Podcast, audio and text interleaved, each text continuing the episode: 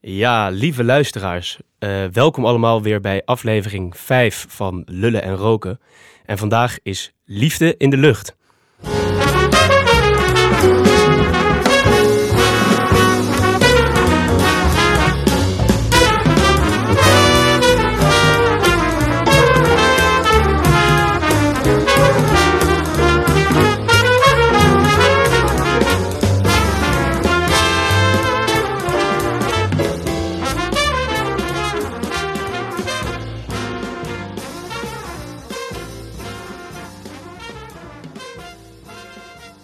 Ja, lieve luisteraars, uh, nogmaals welkom uh, bij onze nieuwste aflevering uh, van Lullen en Roken.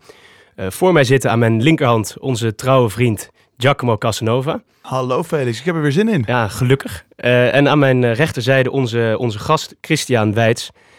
welkom. het behoeft misschien geen verdere uitleg, maar toch even voor de luisteraars. schrijver van artikel 285b via Capello 23, wat zich afspeelt in het mooie Venetië en Euforie. Uh, deze leverde hem zowel nominaties als prijzen op, zoals de BNG Nieuwe Literatuurprijs. Daarnaast is hij columnist voor NRC Next en De Groene Amsterdammer. In De Groene Amsterdammer verscheen in juli 2007 het stuk Casanova lezen in feministische tijden, waarin hij aangeeft dat we misschien nog wel een hoop kunnen leren van deze Venetiaanse verleider.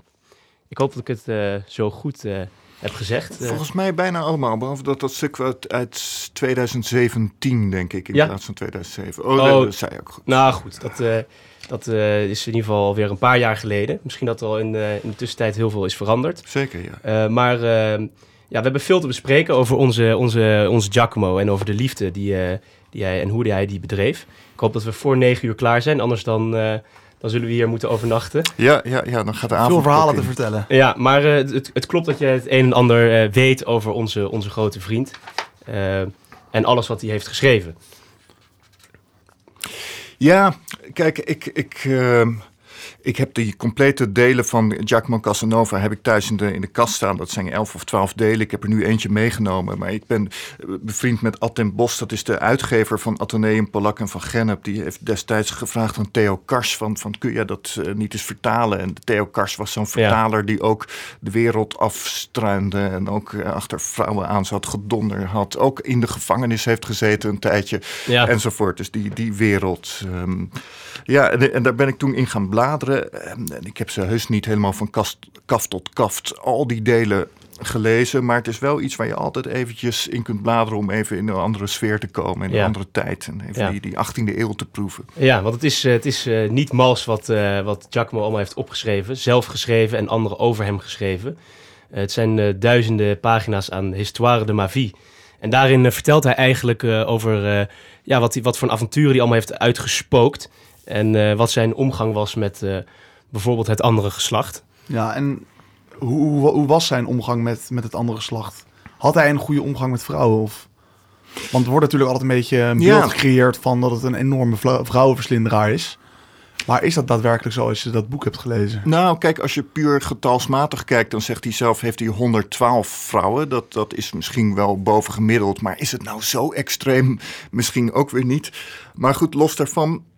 Um, is het beeld misschien toch een beetje eendimensionaal van, van Casanova. Degene die de ene vrouw naar de andere neemt en alleen maar daarmee bezig is. Als je bijvoorbeeld die film van Fellini ziet, dan wordt die neergezet als een soort neukpop bijna, die dat heel uh, machinaal, als een machine is die dat alleen nog maar aan het doen. En dat is toch niet het beeld dat naar voren komt als je zijn memoires leest. Dan is die toch... Um, heel veel bezig met alles eromheen. Er gaat heel veel tijd. In iedere ontmoeting met een vrouw gaat enorm veel voorbereiding zitten. Die vrouw is meestal getrouwd of zit in een klooster. Of, of in ieder geval is die op een bepaalde manier onbereikbaar. En dan moet hij haar los zien te krijgen. dat, dat, klinkt wel toch als een beetje het, het spelletje van, uh, van de verleider die die uh, toch een beetje van de verboden vruchten plukt, uh, getrouwde vrouwen, ja, nonnen in kloosters. Ik, had het idee dat, ik heb het idee dat hij steeds aan het genieten is van ook dat spel. Dus niet alleen de daad zelf, maar dat hele spel dat er aan vooraf gaat. En zelfs wat erna nog volgt. Want dan, dan soms raken die vrouwen zwanger en dan gaat hij ze nog helpen om uit de problemen te komen. Alhoewel hij ook een van de eerste was die het condoom had uitgevonden of daarmee experimenteerde. Dus dat is ook wel weer veelzeggend. Ja.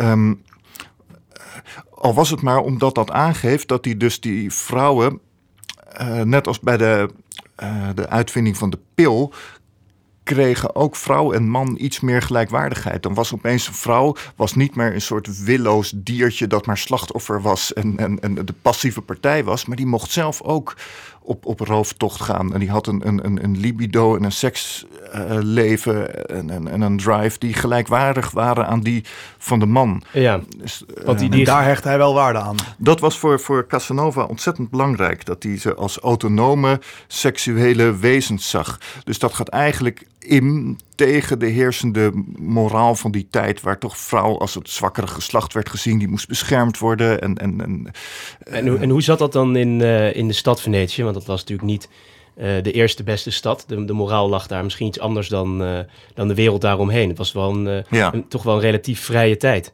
Ja, daar zat natuurlijk een soort los, losbandigheid aan, de 18e eeuw. Nou ja, je moet ook bedenken dat in die tijd, als je het hebt over de hogere kringen, de adel enzovoort, uh, daar werden huwelijken gesloten, niet zozeer uit liefde, romantische liefde. Dat hele idee wat wij nu doen met die Valentijnsbloemen en zo, en, en de romantische films. Uh, de Titanic, ja. die beelden, de violen die, die gaan zingen, waar we mee zijn opgegroeid, dat bestond helemaal nog niet. Het idee dat je één man, één vrouw, het, was die, het huwelijk was een, een, grotendeels zakelijke overeenkomst tussen families, waar die, die individuen nauwelijks iets mee te maken hadden.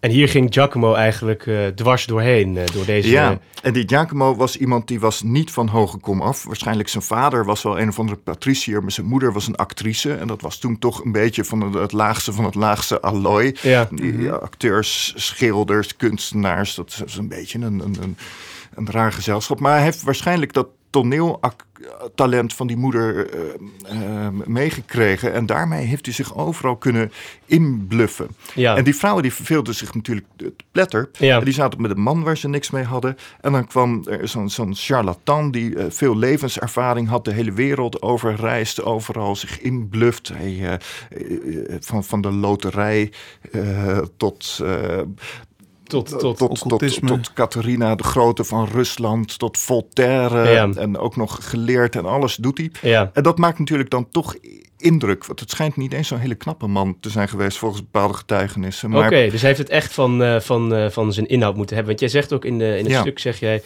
Uh, dwars door rangen en standen heen had hij een afwisselende rol van pauper en hoveling. Door alle uithoeken van Europa, Rusland en Turkije. Ja. Dat, dat, dat vat het denk ik ook wel uh, goed samen dat hij uh, ja. wel een man van de wereld was. En dus niet gebonden aan standen, rangen. Misschien ook wel iets waar, wat in deze tijd van toepassing is. Ja, nou ja, en dan specifiek over die omgang met vrouwen. Zorgt dat er dus voor dat hij is vrij en hij vertegenwoordigt ook een soort vrijheid. Dus als die vrouwen die eigenlijk niet vrij zijn hem zien, denken ze: oh ja, maar dit is de wereld van de vrijheid. Die wil ik ook wel van proeven. En hij verleidt ze daartoe. Dat is eigenlijk steeds hoe het gaat. Ja. Maar hij vindt het spelletje dus eigenlijk leuker dan de daad zelf. Um, nou, uh, die daad zelf moet er wel aan te pas komen, maar hij wil het een beetje oprekken. Um, ja, want daar zijn ook wel veel, uh, natuurlijk veel voorbeelden van in de beschrijvingen die hij doet over uh, al zijn uh, avonturen. Ja. en daarin komt eigenlijk naar voren dat hij wel heel erg bedachtzaam te werk gaat. Nou, ik heb hier een fragmentje ja. uit, uit dat deel 4. Dan heeft hij het over een, een, een um, dat de dieren die zijn gelijk uit op instant bevrediging van hun instincten. Terwijl de mens is zo verstandig dat hij wel weet waar het genot te vinden is, maar die weet ook hoe hij dat genot kan vergroten. Dat weten we allemaal door het uit te stellen en door er, subtiel mee om te gaan. Dus dan zegt hij: een zinnelijk mens die verstandig is, verwerpt gulzigheid, bandeloosheid en grove wraak uit een eerste opwelling van woede. Als hij eet, is hij een fijnploever. Hij wordt verliefd, maar hij wil alleen maar genieten van degene die hij begeert als hij zeker weet dat dit wederkerig is. Ook zo, zoiets. Ja. Mooi gesproken. Ja, en, dat, precies. en dat is precies hoe het zit eigenlijk. Ook, ja. ook, het, ook het, het wederkerig, uh, misschien wel een, uh, een punt uh, waarop, waarop in 2017 ten tijde van het stuk misschien een beetje ophef was. Namelijk rond het begin van de hashtag MeToo. Ja, ja, ja. ja, ja. De slutshaming. dingen waar je misschien zou denken dat dat past bij Casanova als je hem eendimensionaal bekijkt. Maar eigenlijk is dat wel een is dat wel een, uh, een vraag die je kan stellen. Misschien was hij er helemaal niet van, als je dit zo hoort. Nou, MeToo ging natuurlijk ook om macht eigenlijk. Ja. Uh, om machtsverhoudingen, seksueel misbruik door mensen die directeur van een toneelschool zijn of filmregisseur of op dat soort posities zijn. En dan zijn er vrouwen in een mindere positie die afhankelijk van zo iemand zijn. En dan gaat het mis. Maar als je dus kijkt wat gebeurt bij Casanova, is exact het omgekeerde eigenlijk. Uh, hij is altijd de mindere partij, meestal. Hij is de eenvoudige jongen van de eenvoudige kom af. En die, uh, die, die adellijke dames, die staan uh, in die zin boven hem. die hebben macht over hem. Hij, ehm, en soms is dat ook, ook letterlijk of emotioneel zo. Dat hij steeds maar weer zegt: Ach, ik ben zo verliefd geworden op die vrouw. En, en, en dan gaat hij er helemaal uh, op in. Ja, dan, uh, dan weet hij eigenlijk niet meer. Uh, en, ja, en dan is hij vaak degene die verlaten wordt. En dan blijft hij somber en alleen achter. En ja, dan is het wel weer dat hij steeds weer op, opnieuw, opnieuw probeert. verliefd wordt. Of op weer een andere vrouw. maar. Um, dus eigenlijk eerder de hopeloze romanticus dan de. Dan de, ja, de, dan de, de gretige. Dan de, dan de gretige en, man op jacht. Ja. die, die misschien ja, wel van, de, van deze tijd ook wel het zijne zou denken over hoe er nu. Uh, allerlei uh, filmpjes op internet staan. En, en toch wel soms wordt gecommercialiseerd van de liefde. En van wat je, wat je moet vinden over de liefde. Nou ja, Daar zou je het misschien niet mee eens zijn. Nee, ik, ik denk dat hij het zeker er niet mee eens zou zijn. Um, met het commercialiseren van de liefde niet.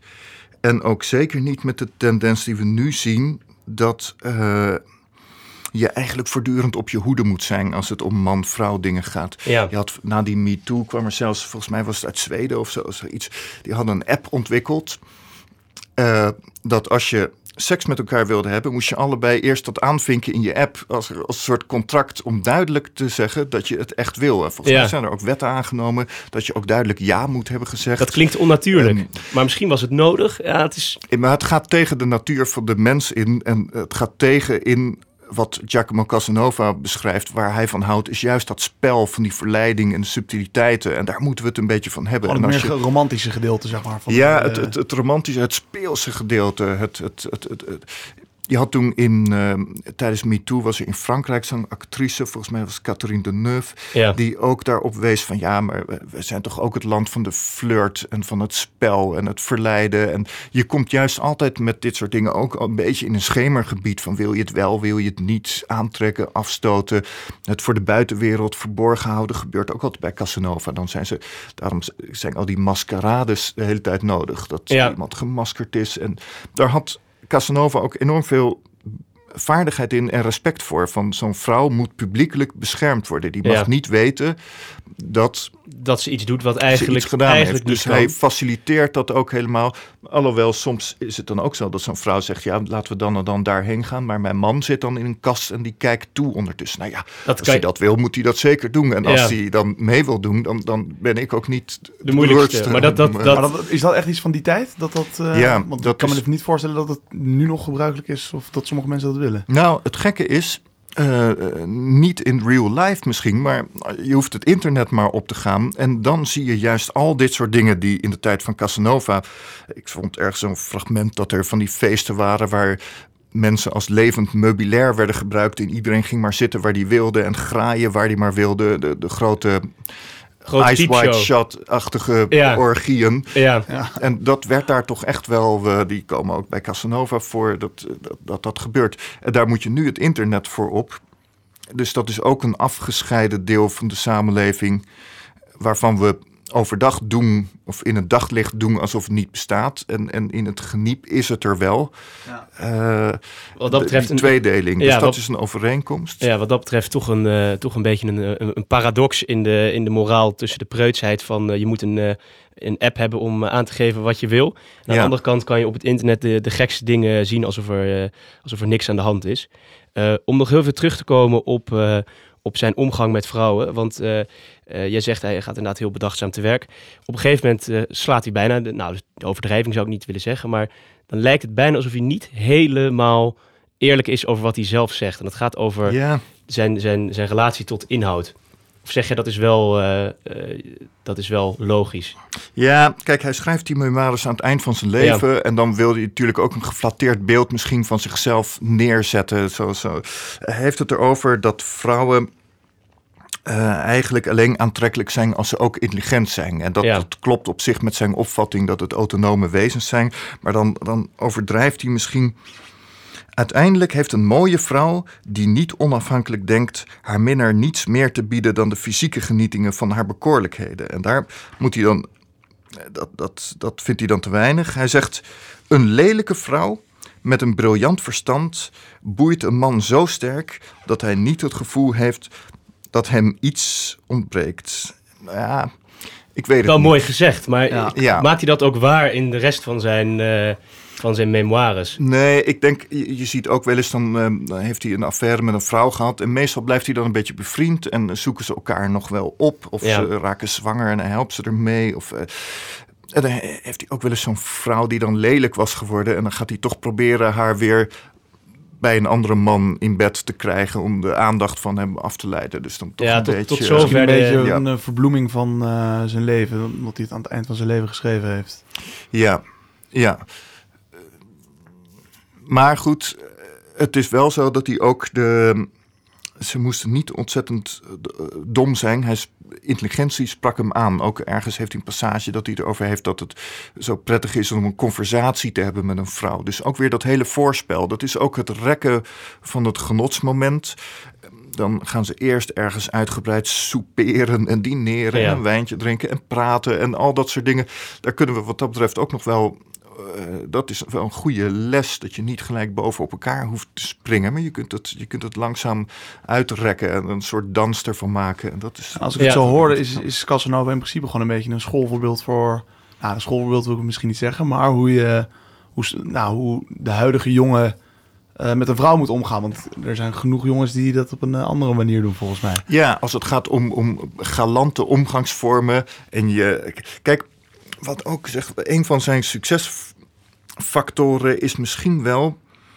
Dat hij juist niet zo'n grote macho was, niet zo masculien, geen, geen eh, horkerig eh, spierenbonk, whiskyzuipende eh, figuur die op Ja. zo'n Harley Davidson rondloopt, maar dat hij juist een vrouwelijke kant heeft.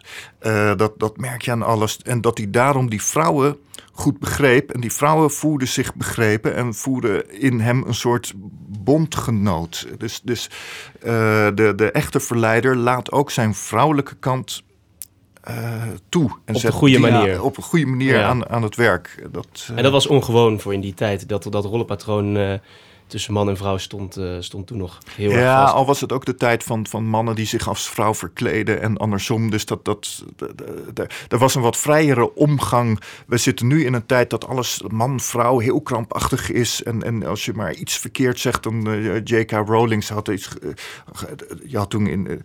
Eh, eh, waar het ging over transgenders. En dan was er iemand die stelde voor: ja, we moeten tegenwoordig niet vrouwen zeggen, maar people who menstruate. En zei ze: ja, eh, people who menstruate. Was daar niet vroeger een woord voor, voor dat soort mensen? En die krijgt dan de hele wereld over zich Ja. heen, omdat zij zo'n grapje maakte. Terwijl. eh, laten we wat minder verkrampt erover doen. Vermoeiend. uiteindelijk.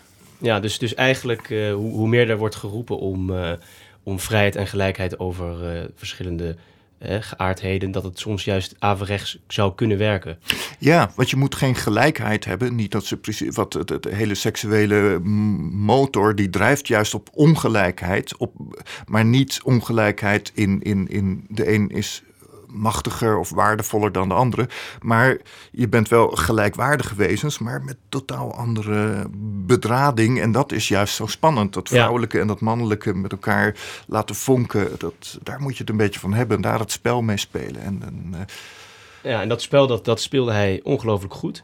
Eh, en dat is misschien nog wel een, eh, een, ook een interessante vraag. Wat, wat zouden wij anno 2021 voor een, misschien wel voor een lessen kunnen trekken uit zijn leven? Het leven van Giacomo Casanova. Wat, wat leert hij ons nou eigenlijk? Nou, in het, in het algemeen, eh, los van de omgang met vrouwen, zou ik zeggen ehm, dat je het leven wat minder hoeft uit te stippelen. Want hij doet gewoon maar wat. Hij improviseert het allemaal bij elkaar. Misschien ook nu wel in deze tijd van de coronacrisis ook wel goed om uh, zo iemand te denken. Hij uh, onderwijst zichzelf, gaat te hooi en te gras, uh, ja, vergaart die boeken, kennis, mensen. En hij gaat gewoon de wereld door, van de, heel, heel de bekende wereld in die tijd. En hij ja. ziet wel waar het allemaal uitkomt. Dan komt hij even in de gevangenis, nou ja, dan ontsnapt hij wel weer uit. Een soort vindingrijkheid, improvisatievermogen, je aanpassen aan steeds weer andere omstandigheden. En niet het idee hebben van, oh, ik moet mijn leven dichttimmeren. Ik moet zoveel jaar studeren en dan moet ik die en die baan hebben, die en die contacten. En dan, voor je het weet, heb je je van, van tot aan je eigen begrafenis, heb je dan je, je boekhouding al op orde. Geest, die jij Precies, dat, daar het gaat over van, van leren. Het, het, het, liber, het libertijnse, dus niet ja. alleen in de seksuele en morele omgang, maar ook in, in de denken. vrije geest. Van ja. zie het leven als een avontuur. En, en, en, en, en ach, maak je niet zoveel zorgen ja. over hoe het, hoe het loopt. En, en dat, dat, is toch wel iets wat, uh, wat ook wel weer heel goed aansluit op, uh, op de leeftijdsgroep uh, van onze studenten. ja. Die nu bezig zijn met natuurlijk ons, onze lustrum. Daarom onder andere door zijn vindingrijkheid en vrijheid is hij ons lustrum figuur geworden. Mm. En denk ook wel iets waar, waar studenten ook wel een les uit kunnen trekken dat ze, uh, dat ze inderdaad niet al te veel op het, op het gestippelde lijntje moeten uh, lopen en moeten bedenken hoe je je boekhouding, uh, zoals je het goed ja. zei, op orde moet hebben. tot, we, tot, tot wanneer gaat dat door? Dan heb je alles al uitgestippeld. Is er niks. Ja, laat het even een keer lekker los. Ja. Dat ja, nou is dat natuurlijk in deze tijd wel ontzettend moeilijk. Want om al die dingen te doen die Casanova deed. Die, dat, Casanova deed, hield zich niet aan de anderhalve meter regel, zal ik nee. maar zeggen. Wat dat betreft zou hij niet goed, uh, goed passen in, uh, in deze huidige maatregelen. Al is die anderhalve meter wel weer heel, kunnen aanpassen. heel spannend natuurlijk. Als je alleen maar op anderhalve meter mag blijven. Dus voor wat Als betreft... Daar nou weer een spelletje van kunnen maken. ja. Ja. ja, nee, niet, niet de eerste beste persoon die uh, graag afstand zou moeten houden. En uh, je zou hem als allereerste na de avondklok nog over straat zien sluipen op weg naar een, uh, naar een avontuur. Gemaskerd, ja. Ja, en, en uh, de, de Casanova van de 18e eeuw is misschien andere dan nu. Wat, wat zou nou echt een, een Casanova van nu zijn, die toch wel een beetje die eigenschappen vertegenwoordigt? Ik weet het niet zo goed, want het moet iemand zijn die uh, uh, juist een beetje onbekend is. Want Casanova was wel berucht in die tijd, maar als hij nu zou leven, zou hij waarschijnlijk niet op talkshows, bij talkshows aanschuiven en op tv te zien zijn. Zo iemand moet een beetje een underground mysterieus figuur zijn, waarvan je niet zoveel weet. Of, of iemand die, uh, ja...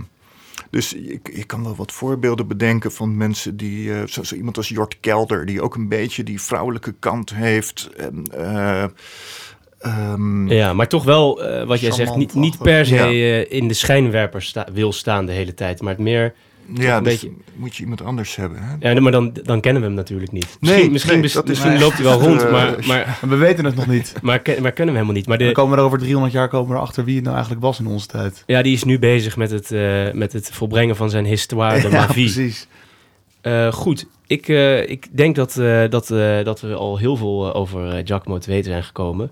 Maar ik denk ook dat het even tijd is voor een andere rubriek. Dat is namelijk het oude en nieuwe nieuws. Oude en nieuwe nieuws met vandaag. Ja, met vandaag ontzettend veel nieuws over, over de liefde. Uh, want Valentijnsdag is, uh, zit er natuurlijk weer aan te komen. Dus ik heb voor onze lieve luisteraars een paar leuke feitjes opgezocht met betrekking tot de liefde. Um, dat, is, dat is een beetje het oude nieuws van vandaag. Um, een relatie die begint als vriendschap, die heeft veel meer kans tot slagen. Dus uh, voor mijn goede vriend Felix, die hier naast me zit, ik denk dat jij misschien even een, een vriendin moet gaan uitzoeken die, waarmee je het echt leuk hebt. En dat heeft het meeste kans uh, tot slagen. Ik weet niet of je dan gelijk iemand in gedachten hebt. Ja, nou goed. Ik, dat durf je natuurlijk niet hier nu voor onze luisteraars nee, vrij te geven. Ik hou het in gedachten.